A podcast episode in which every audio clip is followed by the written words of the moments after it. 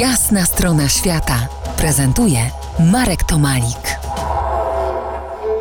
Dziś moje wspomnienia z wielu pobytów w Lwowie, które mam nadzieję ożywią Wasze wspomnienia z tego wyjątkowego miasta, a tych, którzy nie byli, zachęcą, mam nadzieję, w nie bardzo odległej przyszłości do odwiedzenia miasta wschodu i zachodu, prawosławia i katolicyzmu.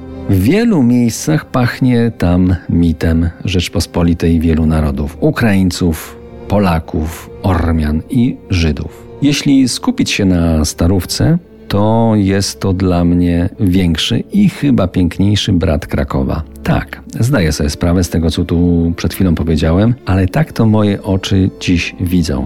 Lwów posiada mnóstwo zabytków i niebywały urok. Spacer uliczkami tego miasta, przejażdżka rozklekotanym tramwajem czy Wizyta na targu jest niezapomnianą podróżą sentymentalną. Zanim zabiorę Was w mikropodróż do wybranych miejsc, wrócę do pierwszego dnia mojego pierwszego tam z Lwowem zbratania. Otóż, jak wspomniałem wcześniej, nie miałem żadnego papierowego przewodnika w ręce i brak dostępu do internetu sprawił, że musiałem bardziej tradycyjnie poszukać noclegu. Spotkani Polacy dali mi numer telefonu, ale żeby zadzwonić potrzebna była karta telefoniczna, a ta okazała się w centrum miasta po prostu nie do dostania, niedostępna.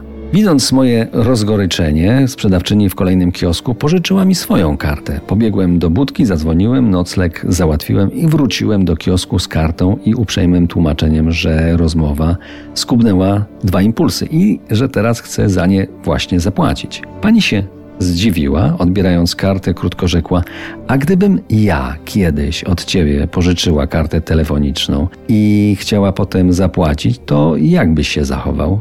Winien mi jesteś uśmiech i po nim jesteśmy kwita. Skinąłem, próbując uśmiechnąć się, Podziękowałem i odszedłem. Ta banalna historia wielokrotnie wraca do mnie we wspomnieniach, co znaczy, że ją skrzętnie przechowuję. I być może dzięki takim wspomnieniom wszedłem w to miasto tak miękko. Chcę tutaj spróbować powiedzieć, że o uroku tego miasta stanowią lwowiacy. I to bardzo, bardzo.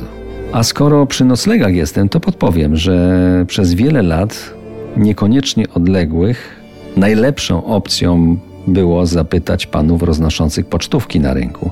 Każdy z nich ma niewielkich rozmiarów składany straganik i każdy oczywiście telefon. Wystarczy powiedzieć, że szukamy noclegu w kwaterze u Polaków, a za 15 minut możemy oglądać już swój pokój. Mam nadzieję, że ten patent noclegowy w Lwowie wciąż działa.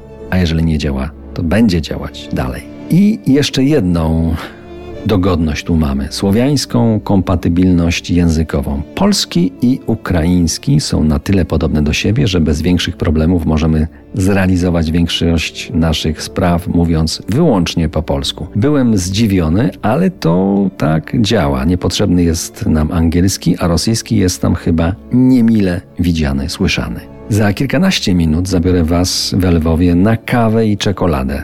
Zostańcie z nami w RMF Classic. To jest jasna strona świata w RMS Classic.